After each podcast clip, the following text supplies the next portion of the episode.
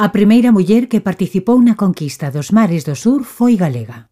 Aventureira, descubridora e adiantada da navegación española, Isabel Barreto de Castro tivo unha fascinante vida chea de aventuras a fronte dunha das máis longas expedicións marítimas españolas do século XVI. Atravesou de maneira total o Océano Pacífico e foi a primeira en cruzar ese océano polo hemisferio sur.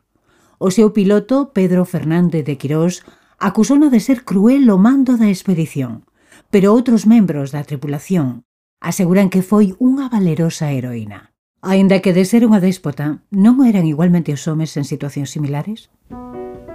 Ás veces a historia que ven nos libros non é a historia real, é a historia seleccionada por un autor. A teoría dos puntos cegos, iso que nos libros non se nos conta. A historia ten que completarse, necesita contarse enteira. Benvidas e benvidos a Aquí faltan páxinas, un podcast da Deputación de Pontevedra onde coñecerás historias de mulleres galegas extraordinarias que non sempre saen nos libros.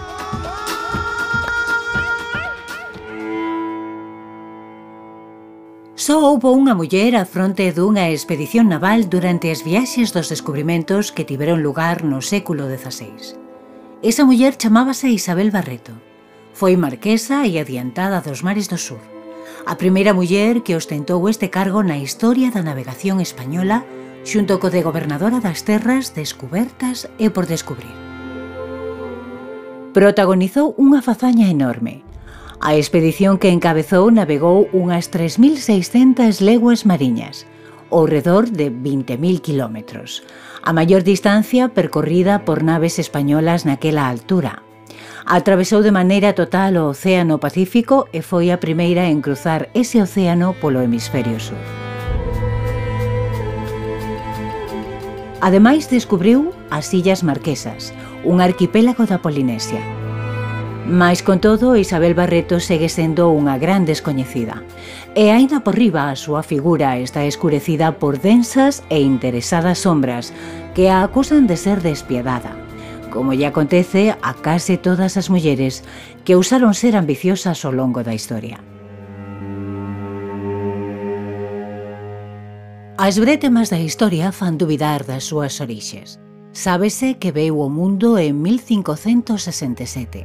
Era neta de Francisco Barreto, un comerciante portugués que fora nomeado gobernador dunha provincia das Indias portuguesas.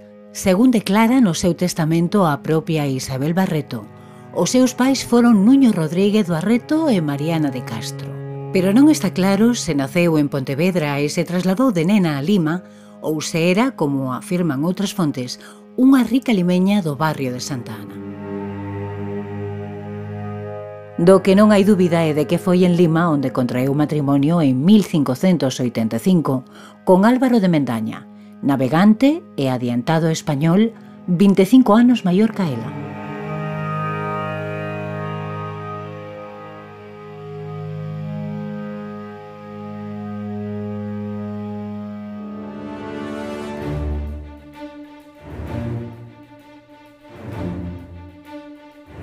Álvaro de Mendaña era un experto navegante que nese momento estaba na ruína. Isabel era unha muller culta, educada sen grandes diferenzas con respecto aos seus irmáns. A nova sociedade americana permitíalle como muller unha maior autonomía e creaba un ambiente propicio para as súas ansias de aventura. Por iso, cando soubo que Mendaña planeaba unha nova viaxe ás Illas Salomón non dubidou en apoialo con xestións diplomáticas e con recursos económicos. O dote que lle deron os seus pais para casar serviulle o seu marido para financiar parte da expedición. Mendaña descubrira estas illas 17 anos antes e estaba decidido a voltar, agora acompañado da súa muller, a quen prometía converter en gobernadora dunhas terras sen fin nas que viviría rodeada de ouro e riquezas. As Illas Salomón eran un territorio mítico citado na Biblia co nome de Ofir, unha terra chea de tesouros onde se dicía que había ríos de ouro e de onde se supón que o rei Salomón sacara as riquezas para construir o seu fastuoso templo en Xerusalén. O 9 de abril de 1595, catro naves partiron do Callao, o porto da recén fundada cidade de Lima. O seu plan era conquistar as Illas Salomón para impedir que os piratas ingleses atopasen ali un refuxio no Pacífico dende o cal atacar as colonias españolas en Filipinas e América. E de paso, explorar a posibilidade de chegar á Terra Australis Incógnita, que máis tarde resultaría ser o quinto continente, Australia. Máis de 400 persoas compoñían a frota na que tamén se enrolaron tres irmáns de Isabel e a súa irmá Mariana, casada co almirante Lope de Vega ao mando do galeón Santa Isabel. A imensa maioría desa tripulación estaba formada por homes, un total de 378. Pero tamén viaxaban nesa expedición 98 mulleres. Non era raro que houvese mulleres neste tipo de viaxes. Na segunda expedición de Colón xa aparecen catro mulleres anotadas nos rexistros da Casa de Contratación, aínda que viaxaron moitas máis porque se trataba de poboar a illa la española.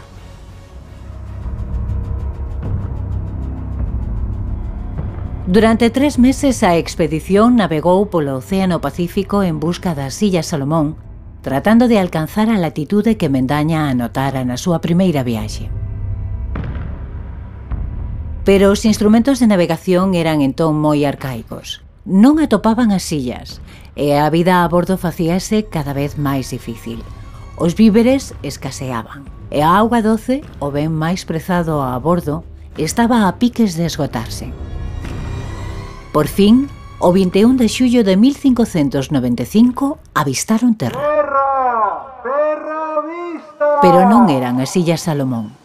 Mendaña deuse conta de que os poboadores daquel lugar non falaban a mesma lingua que os nativos cos que contactara na súa expedición anterior. Tampouco o seu aspecto físico era o mesmo. E, sobre todo, ali non había ningún río cheo de ouro. Aquelas illas, efectivamente, non eran a Salomón. En calquera caso, Mendaña tomou posesión delas e bautizounas Illas Marquesas de Mendoza – en honra a Teresa de Castro e o seu esposo García Hurtado de Mendoza, marqueses de Cañete, vicerreis do Perú e patrocinadores da expedición. Hoxe coñecémolas simplemente como as marquesas.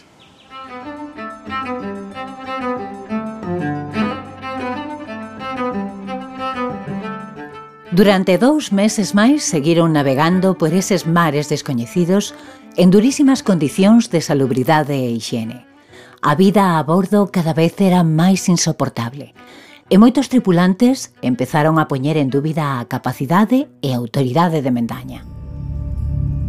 Aínda por riba a Santa Isabel, unha das catro naves que partiran do porto do Callao, desapareceu un día en metade da noite e nunca se volveu saber nada dela nin da súa pasaxe. En setembro de 1595, cando estaba a piques de desencadearse un motín a bordo, a expedición avistou por fin unha nova illa a que Mendaña chamou Santa Cruz. O adiantado pensaba que volvera a equivocarse, mas esta vez sí que chegaran as Illas Salomón, concretamente o extremo sur das mesmas, e en particular a unha illa que actualmente se chama Nendo. Mendaña decidiu desembarcar e fundar ali algunhas cidades, incluída a de Santa Isabel, así chamada en honra a súa esposa. Don Álvaro e Dona Isabel convertéronse tamén en marqueses do sur, aínda que as súas posesións naquelas terras limitábanse a unhas cantas cabanas, porque ali tampouco había ouro.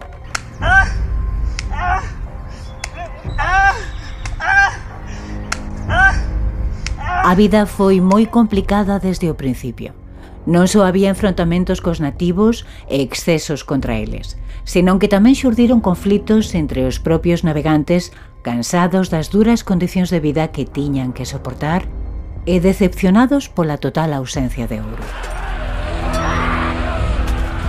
Os ánimos estaban cada vez máis acesos, e entón chegou a febre, probablemente unha epidemia de malaria, Nun só mes morreron 47 persoas, incluído Álvaro de Mendaña. Pero antes de morrer, Mendaña nomeou a súa esposa gobernadora de Terra e o seu cuñado, Lorenzo Barreto, capitán xeral da expedición. Lorenzo morre poucos días despois e deixa a Isabel como única herdeira de Mendaña. A súa sucesora como gobernadora desas illas e adiantada da expedición. Por primeira vez na historia da conquista española, unha muller estaba á fronte dunha expedición naval. Como exerceu Isabel Barreto a súa autoridade ou ter nas súas mans as rendas desa expedición. Segundo o navegante portugués Pedro Fernández de Quirós, piloto maior daquela misión, a adiantada trataba cunha crueldade inhumana as persoas que estaban baixo seu mando. Quirós tivo constantes desencontros con Isabel. Deixou escrito que era unha muller de carácter varonil, autoritaria, indómita e despótica.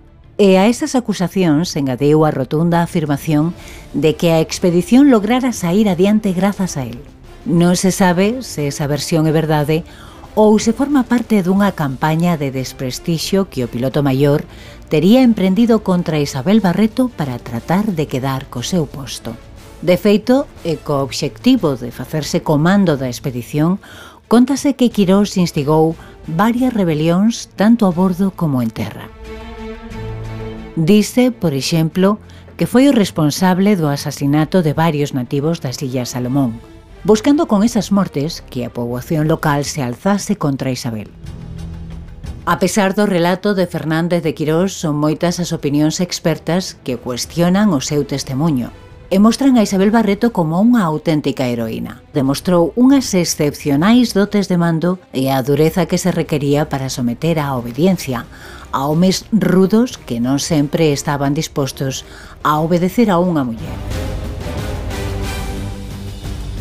Ben sabía Isabel que se non provocaba certo medo nos mariñeiros e soldados, dificilmente podería manter esperanzas de chegar viva a Porto na situación límite pola que estaban a pasar.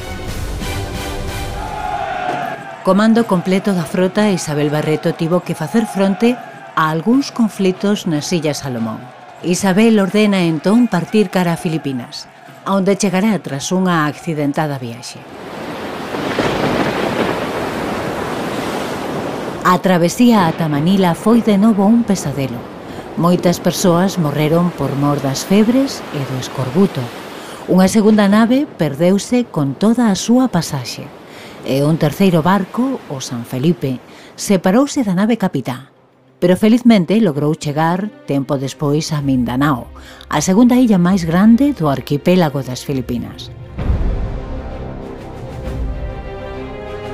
O 11 de febreiro de 1596, o galeón San Jerónimo arribou finalmente ao porto de Manila, dez meses despois de ter partido do Callao. Quedaban a bordo menos de 100 persoas das máis de 400 que iniciaran a travesía, as que habería que sumar outras 40 que sobreviviron no San Felipe. Pero lograran unha xesta incrible. Percorreran a maior distancia sucada por naves españolas no século XVI, unhas 3.600 leguas mariñas, ao redor de 20.000 kilómetros foran a primeira expedición en cruzar o Océano Pacífico polo hemisferio sur e regresaran coa certeza da existencia dun quinto continente, Australia, ao que entón bautizaron como Austrialia do Espírito Santo, en honra a Felipe III de España, rei da Casa dos Austria.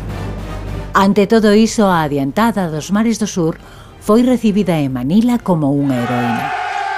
Tres meses despois da súa chegada a Filipinas, Isabel volveu casar en segundas nupcias con Fernando de Castro, un sobrinho do anterior gobernador de Filipinas. Necesitaba un marido que lle axudase a facer valer os seus dereitos ante a burocracia dos Habsburgo.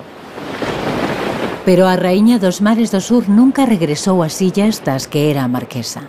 Ela e o seu novo esposo Navegaron de volta ao novo mundo nunha viaxe arriscada na que tiveron que afrontar varias grandes tormentas. Atracaron en Acapulco, México, e lograron facer unha fortuna vendendo os exquisitos produtos orientais que compraran en Filipinas, entre os que se atopaban suntuosas sedas da China. Despois viaxaron a Tiahuanaco, en Bolivia, onde Isabel xestionou unha encomenda, un tipo de propiedade rural creada por Colón onde as xentes indíxenas traballaban forzadas e sen remuneración.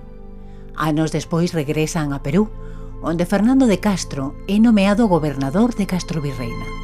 Mentres Isabel vive unha nova vida, Pedro Fernández de Quirós consegue de mans de Felipe III unha cédula real pola que se lle permitía volver su caro Pacífico e cristianizar as illas que atopase o seu paso, incluindo a Salomón. Este privilexio anula o título que Isabel herdara de Álvaro de Mendaña.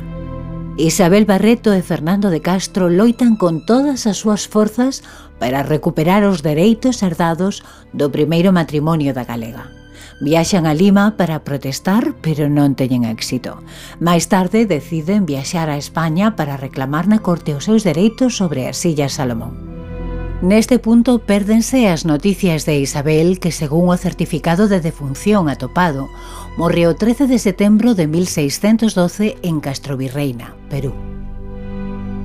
Tiña 45 anos e sábese polo seu testamento que lograra ser unha muller rica que posuía 11 escravos e numerosas xoias e obxectos de valor deixou ordenado que o convento das Clarisas de Lima dixese por ela 2.000 misas nos seis meses seguintes ao seu falecemento. Santa María, Madre de Dios, ruega por nosotros, pecadores. Pola súa relación coas Illas Salomón e en referencia á personaxe bíblica, Isabel foi coñecida como a Raíña de Saba, pero ante todo, foi a primeira muller adiantada e gobernadora ao mando dunha expedición na era dos descubrimentos. E xa vai sendo hora de que os seus logros aparezan nos libros de historia, ao lado dos de Magallanes, Elcano ou Cristóbal Colón. Aquí faltan páxinas.